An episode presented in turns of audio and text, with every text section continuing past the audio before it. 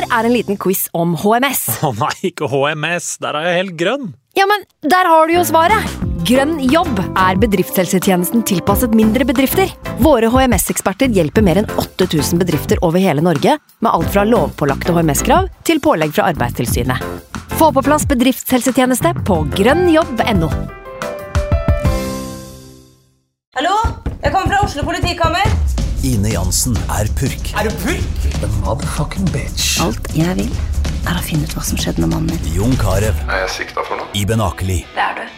Ole So, Lars Berrum og Big Daddy Karsten. Hvem sin side er du på, egentlig? Anette Hoff, Tone Danielsen, Kommer du fra Afrika? Jørnis Josef, Nesten. Kløfta. Trond Espen Seim, Det er synd å si det, men det var feil mann som døde. Purk. Premiere tirsdag på TV2 Play.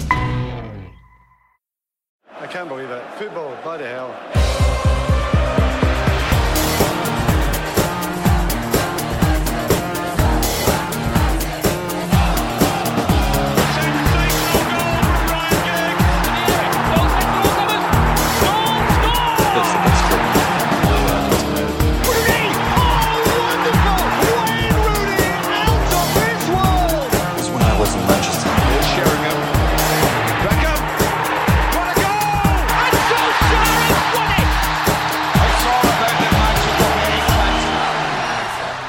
Velkommen til en ny utgave av United We Podcast. eh, Med meg i dag fra supporterklubben til United og supportere Blekka, United.no.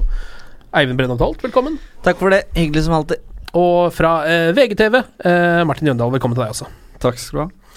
Er United tilbake på rett spor, eller? Er 2-0 borte mot Burnley er forrige match.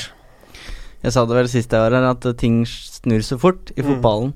Og det syns jeg det var et godt eh, eksempel på.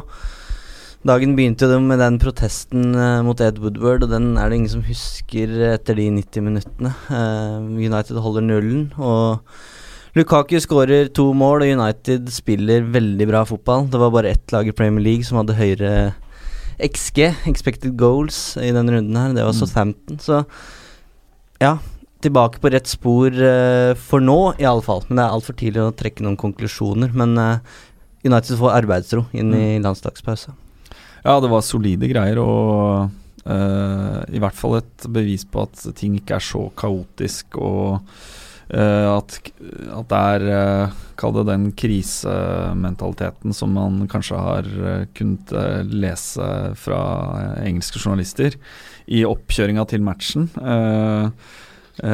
Så alt i alt så det jo Det var en veldig veldig bra gjennomført match. eh, og beroligende. eh, men eh, vi har ikke fått den starten vi ønska på noe som helst måte. eh, det er det ingen tvil om. Nei, nå har vi vel sånn til sammen eh, tre omganger som har vært ganske gode. Hvis vi tar første omgangen mot Spurs og de to mot Burnley, på en måte. Ja, og noen minutter der. av førsteomgangen første gangen mot Leicester også, som var ok. Ja, ja, det var sant. Ja. Ja. Men hva hadde dere forventa som United-supportere før Burnley-kampen? Var det sånn at dere hadde en sånn følelse at i dag snur det, eller hadde du en sånn fryktfølelse inn i kampen? Altså, eh, jeg må bare Etter Tottenham-matchen så var det sånn eh, Selvfølgelig superlangt nede, eh, men jeg må innrømme at med en gang jeg kom hjem fra puben Det første jeg gjorde, var å sjekke flybilletter eh, til England på søndag morgen, den Burnley-kampen. Det Gryende optimisme, liksom? Eh, Nei, ikke en optimisme, men bare en følelse at jeg har lyst til å være der. Jeg har lyst til å på en måte eh, støtte laget live i den situasjonen de er i nå. Jeg veit ikke helt Men det, er, det, det, det føltes også på publikum Ok, alle forstår seg på det, er, er mot oss. Det er tilsynelatende fullt kaos.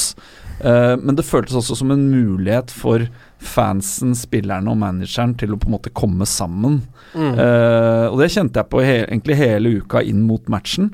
Det viste seg at det kosta liksom 4500-5000 kroner å komme seg til fram og tilbake dit. Uh, jeg hadde ikke kampbillett, uh, og det går ikke tog til Burnley, så måtte typ tatt taxi eller fått plass i en supporterbuss. Så jeg skrinla den planen ganske kjapt, men, eh, men jeg angra jo selvfølgelig på det på søndag, fordi det må jo ha vært eh, en av de bedre bortematchene å være til stede på. Uh, og det tror jeg etter sesongen også at man kan oppsummere og si at, at der skulle man definitivt ha vært. Mm. Uh, for det er et eller annet uh, med den følelsen som du har som United-fan, og hatt noen ganger også under ja, Tilbake til Fergie.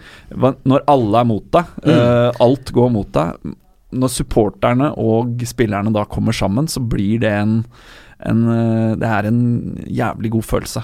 Ja, men ja det, nei, det, jeg skulle bare si at det virker som det er et hvis, det, hvis, man skal si at det kommer noe godt ut av den kaotiske, de kaotiske månedene vi har vært igjennom, så er det det du snakker om der, Martin, tror jeg. Fordi det virker som United-fansen på en måte har blitt litt uh, tettere knytta sammen, egentlig, i løpet av de, i løpet av de månedene her.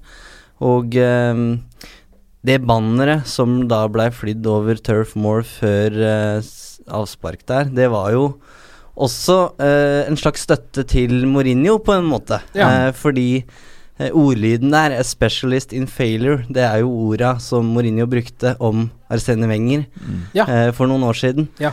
Så, og nå var det Ed Woodward som var den tapsspesialisten, på en måte. Ja, ja og, og støtten der var uh, Virka veldig, veldig bra. Det virka mm. som det var en skikkelig bra dag for United-fansen i, i Burnley, og så topper det seg da når uh, Mourinho kommer og gir bort jakka si og drikkeflaska etter ja. uh, Og det er, det er en gang sånn at uh, altså United har, hva er det de påstår, uh, eh, 650 millioner fans rundt i verden, eller hva faen det er for noe. men da kan du egentlig si at ok, drit i 649,5 millioner av de. Fordi det handler om Det det handler om, er de som møter opp på Old Trafford hver uke, og det er mm. de som reiser rundt uh, med laget på bortematcher. Uh, har du de i ryggen, uh, det er det viktigste, ja. mener jeg, da. Ja. Så er det sikkert folk som som er aktive på Twitter, som er uenig i det, eller, men Men den opplevelsen på søndag, som du både fikk via TV, på en måte, for det var så tydelig, men som de som var så heldige å være der, definitivt fikk, det var en følelse av en unity, uh, at man var United. Mm. Uh, og den følelsen må man ta med seg videre i en jævlig vanskelig bortematch mot et Watford som har fire av fire seire. For jeg har egentlig følt at det har vært litt Mourinho mot resten av verden hele veien her. Mens nå virker det mer som at det er Manchester United mot resten av verden. Han har fått med seg fansen på laget. Og så kan man si mye om det Mourinho gjør både mot Tottenham og mot Burnley, at det er teater osv., men det har i hvert fall en effekt. Mm. Eh, det er det ingen tvil om. Så jeg tror eh, veien videre, utgangspunktet er i hvert fall bedre enn det det har vært. Men det er som du sier, Martin, sesongstarten har fortsatt ikke vært god, og det er mm. langt igjen. Eh, men eh, det var viktig å komme tilbake på rett spor nå, fordi eh, sånn sett var det en slags finale, for hadde United tapt den kampen, da hadde ja. det brent under føttene på Mourinho. Absolutt. Tror dere han hadde fått sparken, eller sånn som folk nei. spekulerte i? Nei. nei, det tror jeg ikke. Med tap? Uh, nei, det tror jeg ikke. Og det uh, Både fordi det ikke fins noe godt alternativ, fordi det er ikke Det er tross alt ikke sånn vi opererer. Nei. Det har vi ikke uh, noe, noe tradisjon for. Og med tanke på, på en måte tålmodigheten som ble vist Moyes i den første sesongen, så tror jeg nok fort at man hadde eh, At man eh, vil humpe, ha humpa videre eh, i noen måneder, og kanskje og, og til og med fram til et tidspunkt der eventuelt en Champions League-plass var Helt totalt, gone. Ja. Men det blir jo bare spekulasjoner. Det ja. måtte i så fall vært hvis Mourinho virkelig på en måte tråkka på self-destruct uh, Trykka på self-destruct-button. Som han jo alltid har med seg i lomma. Som han går rundt med. ja. Men uh, Nei, altså Jeg syns jo det var noe med måten den kampen ble vunnet på også, som ga tegn til uh, Eller pekte til noe At det er lov å være litt optimistisk, da. Ja. Uh, og så skal det sies at Burnley var svake, men, men det var noe solid i den den trioen bak i forsvar med, med Lindløf, Smalling og uh, forsterka av Fellaini. Uh, og så leste jeg leste jeg en sak på United.no her for litt siden, uh, basically ut av uh, Danny Higginbottom, som jeg mener er den beste punditen, kanskje nå? Ja, folk i, i, Norge lever stort sett av navnet hans, men han er en veldig respektert pundit i England blitt. Ja. Mm. Uh, og han, dere siterte vel en spalte han hadde i The Sun, der han dro inn Matic i en, eh, i en sånn den firkanten eh, som er fysisk.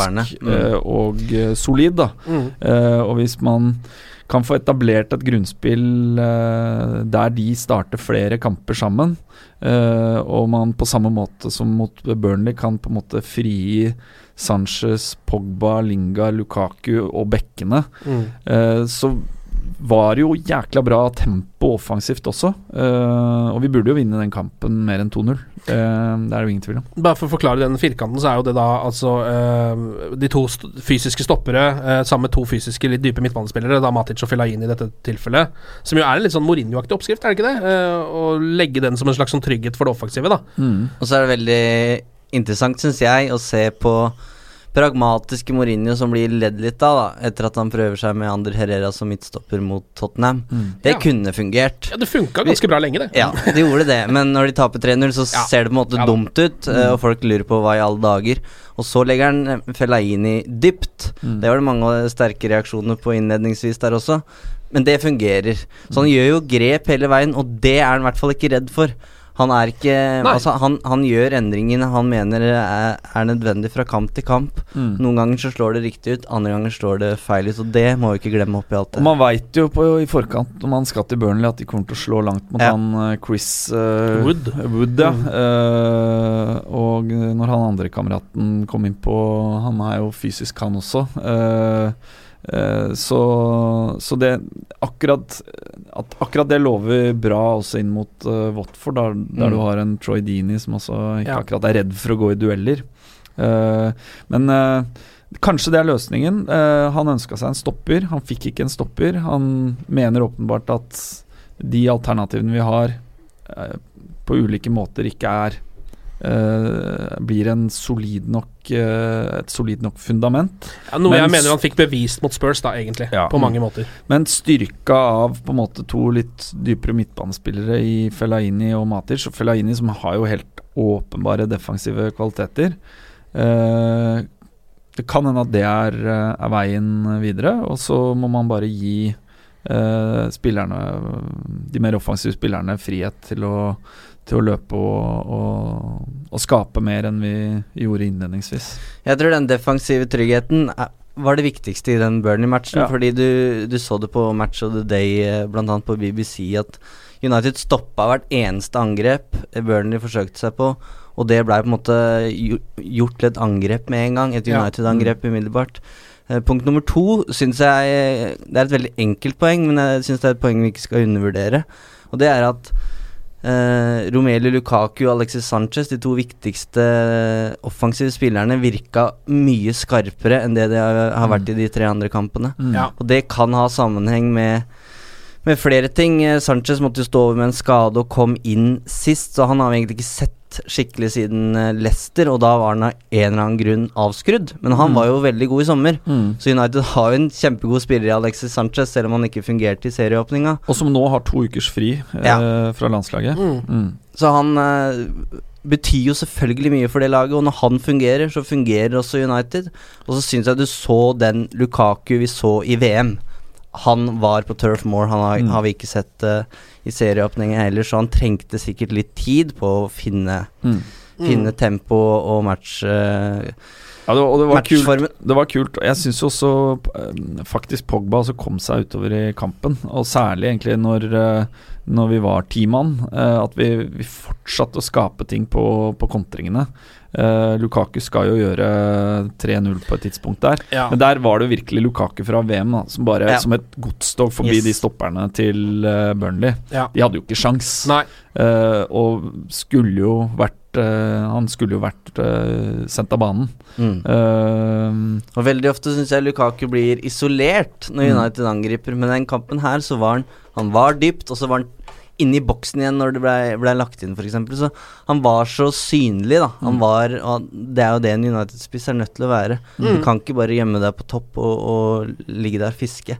Han var med i spillet. Og så er det Og så tenker jeg, hvis man skal liksom oppsummere litt etter fire kamper, da, så øh, i løpet av sommeren, eh, når man snakka om ok, vi trenger fortsatt forsterkninger, så var det jo Etter at Fred kom inn, så var ok, sentral midtbane, Fellaini blir, det er greit. Så, så var det ekstremt mye prat om stopperplassen uh, i eh, de siste par ukene av transfer-vinduet. Delvis drevet av at Mourinho såpass tydelig eh, kommuniserte at var han, der var han ute etter å forsterke.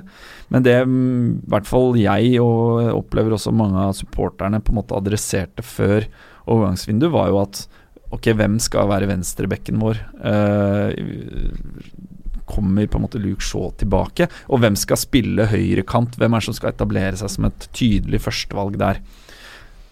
Det syns jeg vi har fått litt svar på nå, på de fire matchene. Luka, uh, Shaw, helt uh, åpenbart. Kanskje vår beste spiller i Vår beste spiller Ja. over de fire matchene. Kåra Ja. til månedens spiller, han Ja. både av oss og på av United. Ja, og det, det, så det er jo en helt sånn åpenbar opptur. Fantastisk moro for han personlig, bra for United. Uh, og krona da med å bli tatt ut på det engelske landslaget etter fire gode matcher. Ja, ja, ja. Uh, super opptur. Og så syns jeg også at Lingard eh, har tredd frem som det tydelige førstevalget på høyrekanten. Absolutt. Eh, han eh, er en spiller i, i utvikling, eh, og for tolv måneder siden så var han på ingen måte på det nivået han er, han er nå. Men eh, den bevegeligheten han tilfører det laget, og han er en ivrig type, på en måte, eh, må begynne å sette litt flere av sjansene sine og score mer mål. Men han er, et, han er en god spiller. Ja, og Det er noe vi vet at han kan. Det er jo den ene tingen som på en måte Jesse Lingard har hatt som sin forse, er jo at han scorer veldig mye mål i forhold til sjansene han får. På Wembley, men Ja. men, eh, jo, men sånn egentlig generelt. Ja, han er jo en god avslutter sånn ja, egentlig. kanskje, ja. Uh, men Jeg syns han bør score mer. ja, nå, men nå bør han jo det. Nå har han jo vært litt uh, Men jeg, jeg syns i hvert fall han har eh, på en måte tydelig etablert seg som tydelig en, bedre alternativ, i hvert fall en bedre Mourinho-spiller enn det Juan Mata er. Mm. Som jeg elsker, men som blir litt lett og rett og slett temposvak ute Ja. på høyrekanten. Uh, og eh, så lenge på en måte både både Rashford og Martial helt åpenbart foretrekker å skjære inn fra venstre, så, øh, så tror jeg vi får, får se Lingard etablere seg som øh, høyrekantspiller i United den høsten her. Mm. Det er dårlig nytt for eh, Rashford, som måtte regnes som det største United-talentet på mange mange år. Ja. Det er litt rart at han ikke er inne i en elver eh, som 20-åring, egentlig. Men hvis man ser på det som har blitt prestert eh, i 2018, så er Lingard foran. Det, Mm. det kan man ikke si noe imot, og Alex Sanchez har jo den venstre kanten. Ja. Jeg tenkte vi kan jo snakke litt om Rashford. Han øh, virker jo åpenbart til å være litt frustrert i Mm. måten han spiller på. Nå blir han jo også utvist, da, så det er jo en øh, litt sånn uh, Altså, der går det jo en kule varmt, rett og slett, for, uh, for øh, unggutten. Mm. Men, øhm, men er et, altså, der merker man jo nå, og kanskje man har merka det litt tidligere òg, men han har liksom på en måte kanskje ikke tatt de stegene, da. Som vi satt og liksom håpa litt på. Eller er det fordi han får for lite spilletid, fordi det er Sanchez som har tatt hans favorittplass, osv., osv.? Jeg må vel være så ærlig å si at eh, da han slo igjennom, og den tida som fulgte under van Gaal der, så ville jeg kanskje trodd at han var litt lenger framme nå i 2018 enn det han Ja. er. Ja.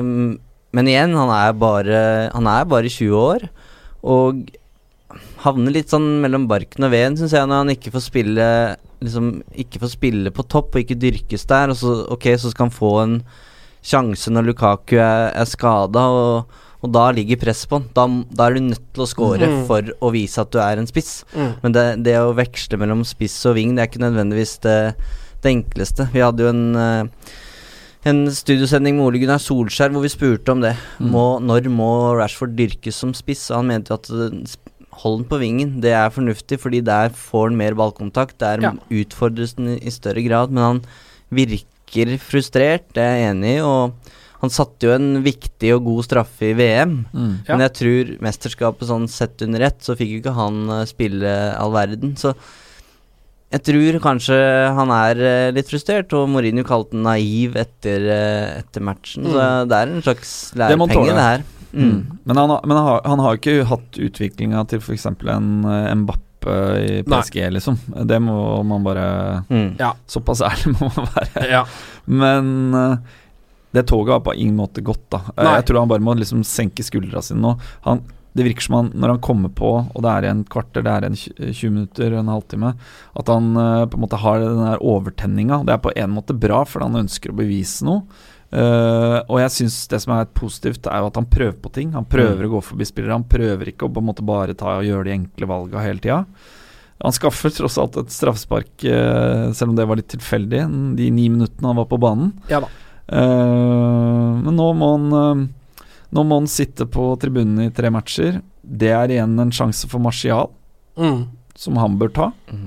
Uh, jeg er ganske sikker på at han kommer til å få noen minutter. Kanskje ikke nødvendigvis mot Watford, men i kampen etter det.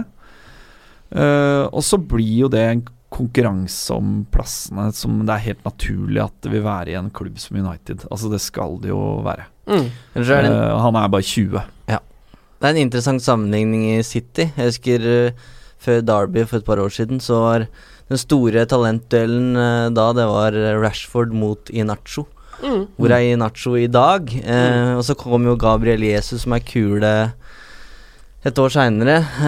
Men han også har jo hatt hadde i hvert fall et dårlig mesterskap. Og, ja. Og han sitter på benken. sitter på benken, han også. Så Ja. det er ikke bare Rashford som sliter med å slå gjennom i liksom en av Englands toppklubber. Mm. når det gjelder det røde kortet, så er det jo riktig. Det er korrekt. Ja. Han, eh, han er borte i, i Barnsley med skallen. Det syns mange som har blitt litt eh, ignorert i mange av de debattene i ettertid, er, er det at Bardsley etter, etterpå også skaller litt til Rashford, så han gjør egentlig akkurat det samme. Ja, og det Ja. Bardsley, det Bardsley gjør som utløser hele konflikten, er Ja. jo også i utgangspunktet en etterslenger som kan vurderes uh, opp mot et uh, Det er i hvert fall et kort, Mm.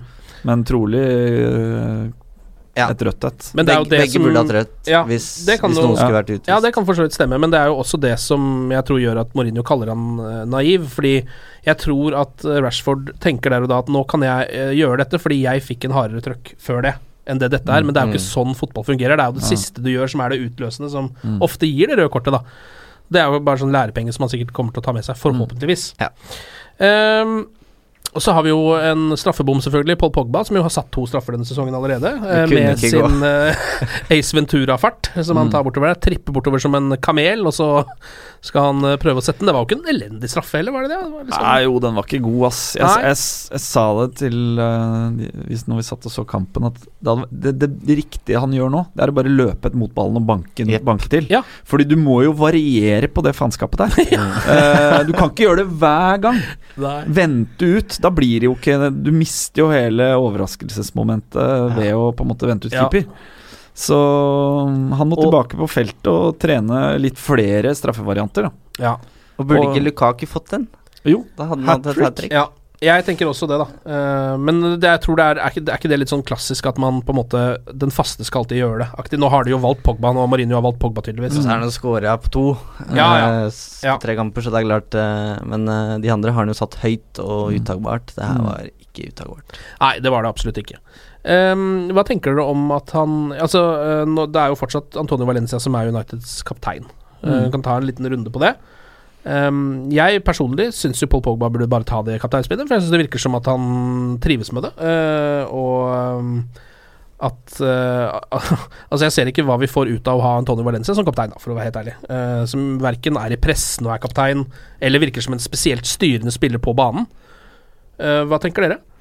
Jeg eh, er enig i at Paul Pogba er en god United-kaptein. Eh, jeg likte ikke kommentaren han hadde Nei. etter Brighton-matchen, hvor han rett og slett innrømmer at han ikke har riktig innstilling. Det, det er veldig rart å si, for det er bare én som kan gjøre noe med det, og det er han. Mm. Mm. Når, og jeg tror også han er en Han kan som ha vært litt lost in translation. Det kan der, ha vært Ja. noe Altså at med han oversettelsen. liksom ikke var nok påskrudd, eller jeg vet da faen. Ja, han Mm. snakker jo engelsk, men Ja. at eh, det ikke var det som var det han mente. Men og jeg tror han er en spiller som vokser, da. Han vokser et par centimeter ved å få det kapteinspinnet. Og det er på en måte ev eventuelt det beste argumentet for å gi, den, Ja. gi det til ham. Mm. Fordi du, du får skvisa på en måte litt ekstra Ekstra ut av den. Ja. Eh, så når det er sagt, så er det liksom Det er jo jævlig vanskelig å si noe om på en måte Ja da. eh, det indre livet i garderoben, og hvem som nyter respekt og ikke, og hva slags type roller folk har i det sosiale hierarkiet som i en sånn gruppe. Det er Mm. vanskelig å si. Og så er jo det momentet som Mourinho sjøl har, eh, har påpekt, at han, han er ikke så opptatt av kapteinsrollen Nei. i seg sjæl. Han er opptatt av å ha ledertyper på banen. Uh, og uh, det har vi jo etterlyst i mange år. Uh, at det har vi United mangla. Mm. Vi mangler fortsatt en sjef i Forsvaret. Ja. Jeg syns vi i Pogba, Matic eh, har på en måte Og ja, trolig da muligens Valencia, da, men har typ spillere som eh, Som uh, Som i hvert fall har det i seg å være litt leder, ledertyper. Uh, selv om det også blir litt sånn spekulasjon. Uh, ja. Ja, men ser, jeg ser det jo ofte litt i Jeg syns jo også Romelu Lukaku er en sånn Ja. type, da. For Ja. man ser noen ganger på han at det er sånn Fankeren, eller hva er det vi driver med nå? Jeg må gjøre noe her. Mm. Hvis du skjønner, og Bare det lille initiativet kan ofte være nok da til å sparke litt i det laget, liksom. Ja, så er det sånne ting som, som egentlig kanskje ikke har noe med saken å gjøre, men, men uh, Lukaku skrev jo det essayet i sommer, jeg vet ikke om dere leste det, Nei. som var sånn Players Mm. uh, Tribune. Uh, Tribune, ja. Der han Du på en måte sitter igjen med en følelse av at dette her er en reflektert, smart Ja. fyr som eh, evner å se seg sjøl litt utenfra, eh, og som jo i mitt hode er på en måte eh, karaktertrekk som, eh, som eh, hos ledertyper, da. Mm. Eh, og, og det samme gjelder jo også for så vidt, uten at det er eh, Uten at jeg tror eh, Juan Mata er liksom en sånn kapteinstype. Så, så bare ved å følge han uh, i, i bloggen, i sosiale medier, i de sakene han engasjerer seg i utenfor fotballen og sånt noe, virker som en reflektert, smart fyr. Mm. Uh, men ja. Jeg tror det er nok av smarte folk i United, og mange av de ville vært kapteiner andre steder. Ja. Ja. Jeg tror kanskje det er mest vi som er utenfra, som egentlig ønsker bare at Herrera har jo vært nevnt. Herrera var kaptein mot Liverpool i sommer, og Sanchez tror jeg til og med var det Mm. Ja, en det match. det. Så liksom, det er nok av ledertyper og folk Ja. som vil lede laget, tror jeg. Men, men om hvordan det fungerer internt, som du sier, det er på en måte vanskelig for oss å, å mene noe om. Men jeg tror det handler mest nesten om at United vil ha en Keane-kaptein, eller Ja. en, en, en som på en måte er kaptein, som vi Mm. kan, kan anse som en leder. Og Valencia Altså For det første så ser det ikke ut som han er kaptein på banen. Han spiller jo bare høyreback, som, som han har gjort i alle år. Ja. Han styrer jo ikke veldig mye Uh, Styrer jo ikke rekkene veldig i stor grad, ser det ut som, og det er vanskelig hvis du ikke snakker engelsk. Mm. Eh, Når det er sagt, sånn rent politisk, så syns jeg det hadde vært helt feil å ta fra Valencia kapteinspinnet da, etter, etter at Pogba hadde hatt de to kamper. Mm. Det syns jeg ville blitt feil overfor eh, Valencia, som har vært i klubben i, i ti år. Ja, ja, det kan jeg kanskje være enig i. Jeg tenker jo også, og det er jo kanskje også en litt sånn uh, barnslig grunn til å gi noen et kapteinspinn, men jeg tror jo at Paul Pogba kommer til å være lenger i Manchester United hvis han får lov til å være kaptein. Ja. Altså at det er såpass enkelt som det, da. Uh, og det sier jo noe om hva slags type han er. Han burde jo kanskje ikke prøve å um, gi sånne holdninger uh, mer uh, kred enn en nødvendig. Eh, Men allikevel så er liksom Akkurat nå så er han jo en såpass sånn viktig spiller for Manchester United da, at hvis det liksom er sånn at det blir dårlig stemning hos han fordi han ikke får lov å være kaptein, selv om det er veldig barnslig, så syns jeg han burde få lov å være kaptein. Mm. Det er bare såpass Hos meg så er det sånn. Ok, skal vi gi ut noen poeng, da? Hva var de tre beste spillerne til Manchester United mot Burnley på bortebane? Årets beste match. Eh, Ett poeng til den tredje beste, to til den nest beste og tre til den beste United-spilleren. Ja Skal jeg begynne? Du kan godt begynne. først. Eh, altså det er jo det er, det er for så vidt fristende å dele ut et poeng eh, eller to til den derre trioen uh, stoppeparet og eh, ikke minst Fellaini, men uh, men eh, jeg syns eh, Jeg syns Luke Shaw var god, Mm. eh, så han får ett poeng. Eh, og så syns jeg den timen uh, Sanchez var på banen, var vel han den vasseste av de offensive uh, Eller den trioen bak Lukaku, så han får to. Og så Lukaku skulle ha skåra et par mål ekstra, men han, han avgjør jo kampen og, og er en konstant trussel på topp. Ja. Uh, Skårer to mål, så han får tre poeng. Eivind? Fellaini inn jeg ett poeng. Jeg synes det, han slår tilbake Hver gang han er skuffa på et eller annet vis, så slår han tilbake, og det er imponerende. Så Og nå har han han, vært i United i fem år. Ja. Ja, Det er litt sjukt å tenke på, egentlig. ja. Det er fem år eh, i, Ikke i sumpa, men vi, det ja, nei, har ikke vært fem det har ikke vært, nei, glorious det har vært opp og ned, opp og ned. Nei, så det at han kan brukes som et sånt verktøy, det tror jeg um, kan være nyttig ut sesongen. Eh, og så er jeg enig i at det er Sanchez og Lukaku som får de Sanchez får to poeng, og så får Lukaku med to skåringer tre. Det var mange som mente han brant for mange sjanser, og det gjør han jo for, å, for så vidt, men du skal ikke glemme at han kommer til de sjansene, da. Ja. Og han setter to av dem, så han får tre poeng. Ja. Jeg veldig like, likte også det jeg så Alexis Sanchez, da, siden han er den eneste vi ikke har vært ordentlig innom ennå, ehm, i den kampen. Det virker som han også har begynt å finne Lukaku litt lettere. Eh, Han er jo veldig glad i Alexis Sanchez, og altså, jeg tenkte jo veldig lenge at han var en spiller som skårte mye mer mål enn det han kanskje gjør. Eh, men han er jo en spiller som egentlig liker å gå litt inn og så vippe ballen inn i feltet. Det er jo da han er på sitt beste. Det er han jo veldig glad i.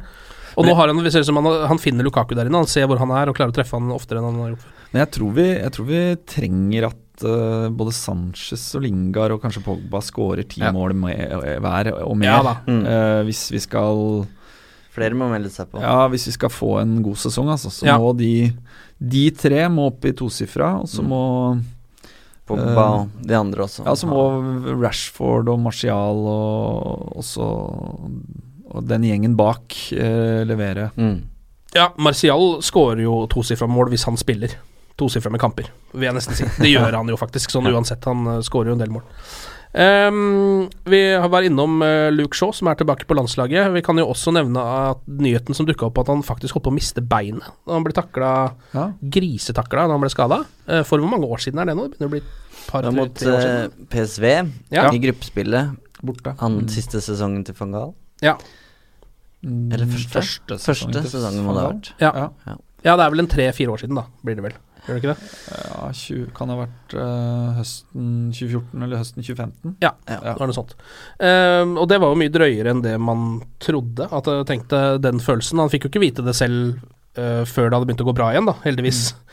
Men uh, det må være en uh, ræva følelse for en 20 år gammel fotballspiller uh, mm. holde på å mis rett og slett miste en fot. Da er det liksom ganske kjørt. Så det syns jeg bare, det er det enda mer imponerende at han faktisk har klart å ta det steget opp som han har gjort nå, da. Ja, for det, det er jo ingen tvil om at det er, en, det er mye mentalt der, tror jeg, Ja. i en sånn skade. Ja, det tror jeg òg. Uh, og du kan på en måte Du må jobbe, bygge deg opp igjen fysisk, Ja. som man jo har hatt uh, Har slitt med. Uh, men så må du på en måte også bygge opp en selvtillit på toppen av det, Mm. når du er på en måte der du skal være rent fysisk. Mm. Eh, Og en syke om å liksom fortsatt gå inn i den taklinga som holdt Ja. på å gjøre at han mista foten sist gang han gjorde det, på en måte. Men, eh, men heldigvis da, så, så kan ting tyde på at han er på, på vei tilbake til på en måte toppnivået sitt. Og kanskje han i den alderen han er, så kan han jo fortsatt utvikle seg. Ja. Uh, og da, da er jo venstreback-problemet, eller venstreback-utfordringa, solved, tenker jeg.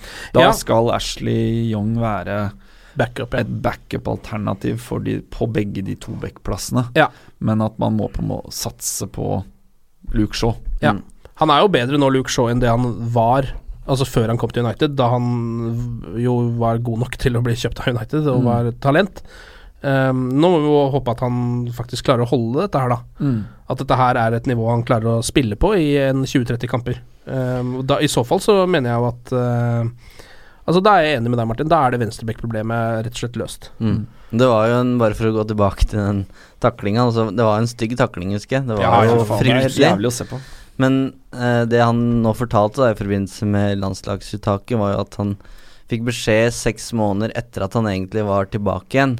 Så fikk han beskjed av legen sin om at det hadde Det hadde blitt snakka om at her kunne det være snakk om eh, å amputere. Så Mm. det, han var jo ikke i, oppi det sånn, at, sånn sett at han uh, frykta det, men han fikk vite det, vite det i ettertid, og det, da, da sier det jo litt om hvor hvor stygg den skaden har vært, og som, uh, som uh, det ble sagt her, at uh, det var nok verst mentalt, først og fremst, tror jeg. Den, for den knekken kom også på et veldig beleilig tidspunkt. Han var, Han var god. like, nesten like god som han er nå. Mm. Så ja, og det skjedde jo i motstanderens 16 meter, og det er jo der han nesten er mest nå.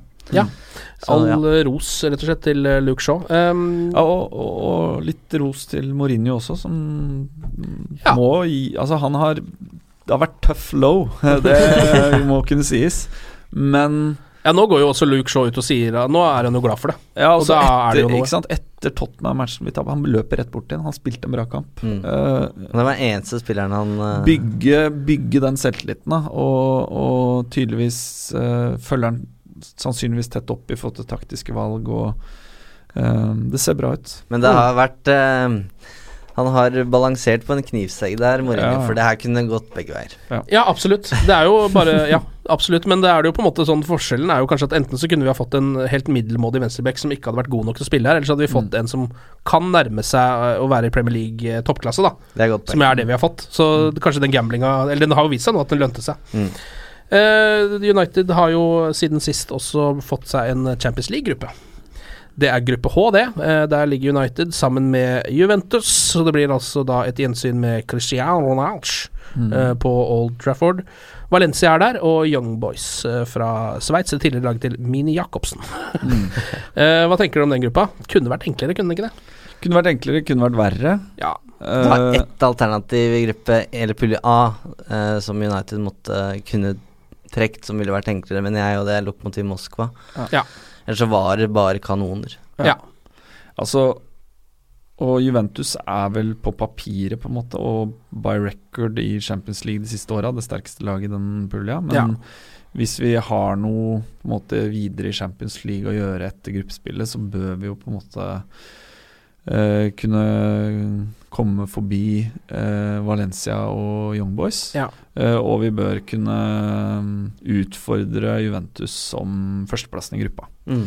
Og det er Det er på en måte Vi vil få svar i løpet av høsten på hvor vi hvilket nivå vi er på. Vi hadde en jævla lett gruppe, hvis jeg ikke husker Ja, Vi hadde en ganske lett gruppe i fjor, og fjor. så kom Sevilla, på en måte. Og så Ja. viste det seg at vi kanskje kunne hatt en litt vanskeligere gruppe. Fordi det virka som at det seila så lett gjennom en gruppe at de ikke tok den kampen alvorlig, sånn som jeg så nesten. Eller tok den jo selvfølgelig alvorlig, men det, altså det, de Sevilla-kampene, det var slappe greier, altså. Ja.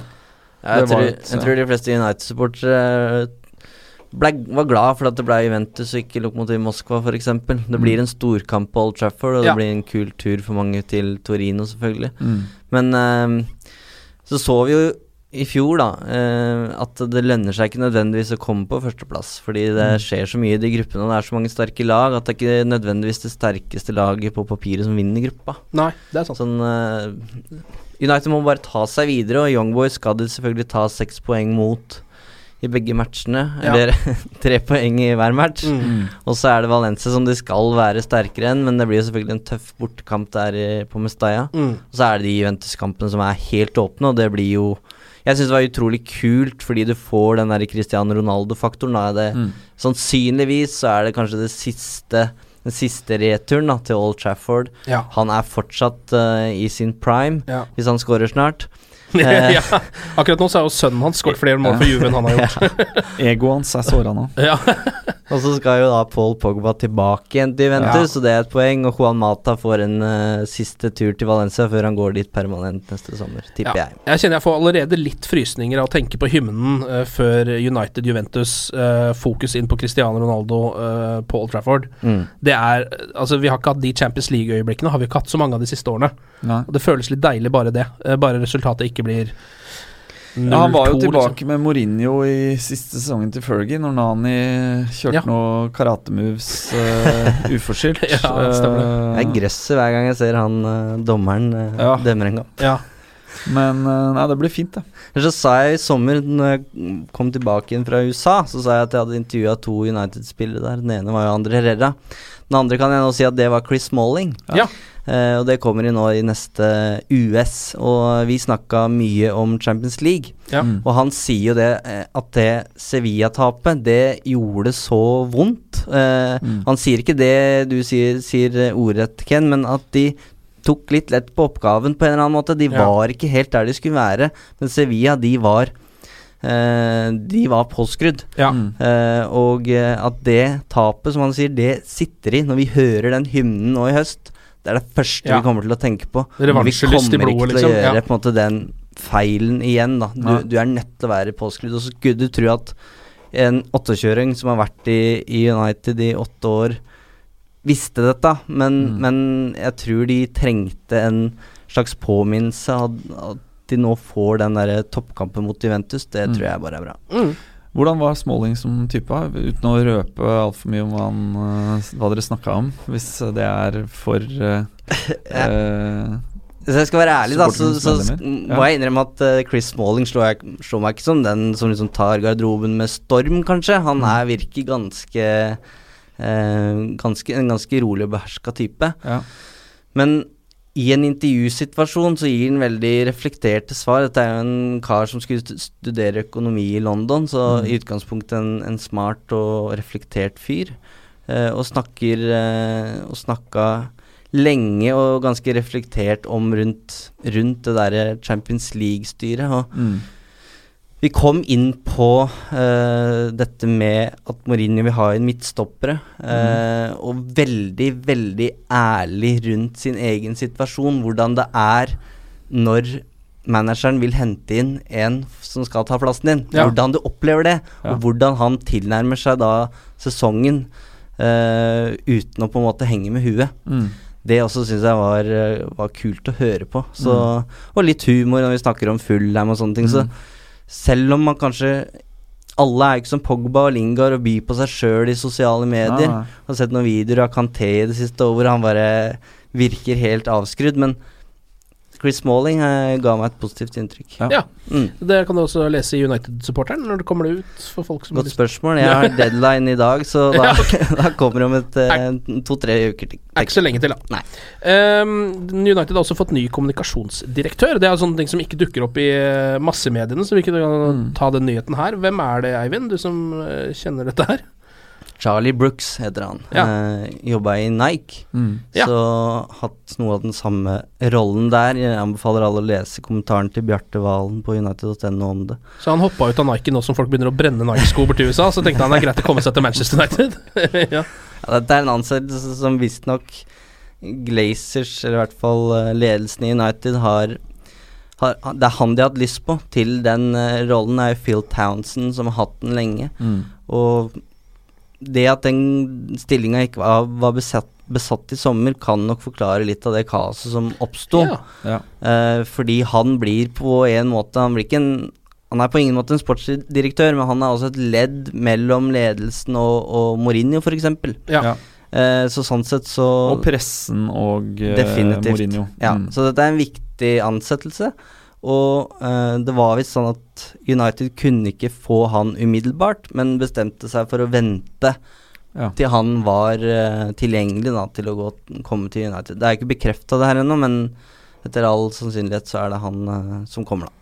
Men har eh, Hva er på en måte relasjonen sånn til supporterklubben? Hvordan har eh, relasjonen til eh, den tidligere kommunikasjonsdirektøren vært, og hva kan, man for, hva kan dere liksom forvente dere eh, med den nye? Har dere direkte kontakt med kommunikasjonsdirektøren, eller er det folk i kommunikasjonsavdelingen som eventuelt eh, håndterer eh, ja, den type presse, da. Ja. eh, som ikke nødvendigvis er liksom The Sun eller The Guardian, men likevel eh, eh, viktig for United å ivareta. Mm. Det er, eh, Som journalist så har jeg stort sett eh, kon direkte kontakt da med de som, som er pressefolk. I Norge så er det stort sett klubbene har én pressesjef. Og han har ja. kontroll på alt, ikke sant? fordi Ja. det er ikke så mye å, å styre med. Mens innboksen i United den fylles nok opp ganske fort, så de er de er tre stykker, og så har vi egentlig ikke helt skjønt hvilke ansvarsområder de forskjellige Mm. har. For noen, noen har ansvar for akkreditering, eh, f.eks. da. Mm. Eh, det å, å få pressefolka inn på, på tribunen. Mm. Mens andre, andre ting er intervjuforespørsler, men det virker som de, de deler de oppgavene litt rundt, litt rundt seg. Og så, Når det gjelder kommunikasjonsdirektøren, så har jeg aldri møtt uh, Phil Townsend sjøl, men uh, US-redaktør Lars Morten Olsen hadde et godt forhold til han. Jeg så de hadde en lunsj sammen i Manchester nå. Ja, og de, vi hadde et intervju med han før, eller etter at han uh, gikk av, da. Mm. Så ja, klarer man å Klarer vi å tilnærme oss en kommunikasjonsdirektør i Manchester United i 2018? Det er jeg usikker på, det veit jeg ikke. Ja. For det kan hende han på en måte nå har en så høy stilling at det er vanskelig. Men Mm. uh, det er et, uh, en stor uh, stab med folk som jobber med, ut mot mediene. Mm. Uh, det har jo vært noen litt sånn merkelige rykter i det siste. Jeg vet ikke om det er om hvor det kommer fra, eller om det bare er fordi pressen syns det er gøy å skrive om det. Men har du lest at mange mener at John Terry burde gå til Manchester United nå?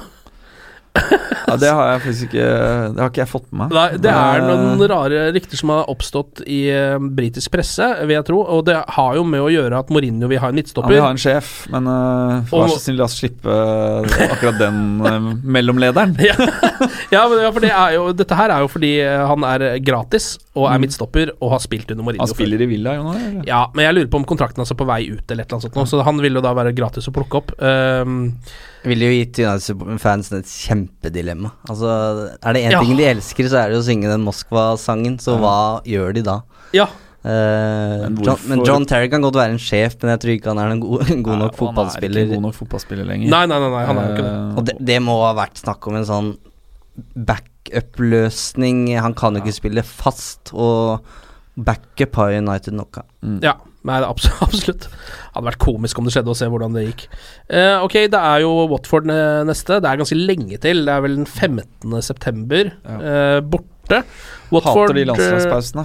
Intenst. Ja, jeg hater de ganske mye. Eh, Nå kan det hende det er bra bare for å få roa eh, det litt ned i klubben, rett og slett. Og Ja. ta med seg de gode resultatene på en måte inn der. Men, ehm, men eh, Watford, full pott så langt. Vi trenger ikke å snakke for mye om det, for det er så lenge til. Men ehm, hva, jeg tenker jo at dette her er altså sånn um, Hvis man ser på liksom sesongstarten nå, da. Mm. Så Spurs tapte jo mot Watford, f.eks. Uh, og har jo nå på en måte, selv om man De har jo på en måte litt sånn samme sesongstart plutselig som United, selv om de har slått United 3-0 på Old Trafford. Mm. Så hvis United igjen plutselig viser seg å kunne slå Watford, noe jeg mener at de for all del har mulighet til å gjøre, Ja. så retter det opp ganske mye av inntrykket mitt, iallfall. Uh, ja, for sesongstarten. Ja, det er jo bare å glede seg, for det har ikke vært kjedelig i sesongstarten her. Det er jo tre straffer og røde kort og bøttevis med mål, så det, det blir helt sikkert gøy. Og Watford er jo et sånt eh, I hvert fall vært nå i sesonginnledning, er et utrolig tøft lag å møte, da, med Troy Deeney som den store oksen på topp som bare brøyter vei. Ja. Mm. Så det blir, en, det blir en ny sånn Burnley-utfordring. Det her Mm. bare at Watford er i kjempe, ja, Mm. i kjempeform. Ja, jeg tror jo sjansen Nå leste jeg at uh, Fellaini hadde meldt avbud fra landslaget med en Ja, liten skade. Det er ikke sagt noe om hva det er ennå, men Det uh, passer litt dårlig akkurat til den kampen, for det er jo det. en Fellaini-kamp. Ja, ikke sant. Fordi det man må kunne forvente, er at hvis, hvis uh, det ikke kommer noen nye skader og han kommer seg på beina igjen, så vil jeg anta at vi går ut med samme elver som mot, mot Burnley. Mm. Og at den, uh, den firkanten Smalling, Lindløf, Felaini og Matic blir enda viktigere. Uh, Og at den er solid. Og hvis de er det, hvis vi klarer å på en måte uh, opptre solide bakover, så tror jeg vi har alle muligheter til å score mål uh, mot Watford Mm. og vinne den matchen. Uh, og da begynner vi å bygge et momentum. Jeg kikka meg litt sånn tilbake etter uh, Tottenham-kampen for å prøve å finne noe um, noe tegn til optimisme. Tilbake til uh, ligaåpningen i 92-93. Uh, det er jo langt tilbake. Jeg var liksom 12-13 på det tidspunktet. Men uh, da hadde vi jo akkurat uh, sesongen før tapt ligaen mot Leeds. Og åpna da uh, første sesongen i Premier League uh, med å tape to matcher på rad, tror jeg. Mot uh, Everton og, og Sheffield Wednesday. Uh, og dro til Southampton, en vanskelig bortekamp, hvor vi vant 1-0. Og fortsatte da med å vinne de fem neste matchene. Mm. Uh, og det må jo på en måte være uh, målet her nå. Mm. At vi klarer å bygge en rekke med seire Mm. gjennom september og inn i oktober. Mm. Uh, hvor på en måte vi da Og at vi går inn i noen av de storkampene som kommer utover høsten. Ja. Med både selvtillit eh, og en, en hakket mer innarbeida eh, både elver og, og spillemønster enn hva tilfellet har vært nå i august. da. Mm. Eh, da kan det være grunn til bitte litt optimisme. Ja, og jeg tenker også det bitte litt med en seier mot uh, Watford, så kan vi begynne å ha litt troa. City allerede avgitt poeng, de. vi får se åssen dette går. Vi er tilbake etter landslagspausen. Glory, glory.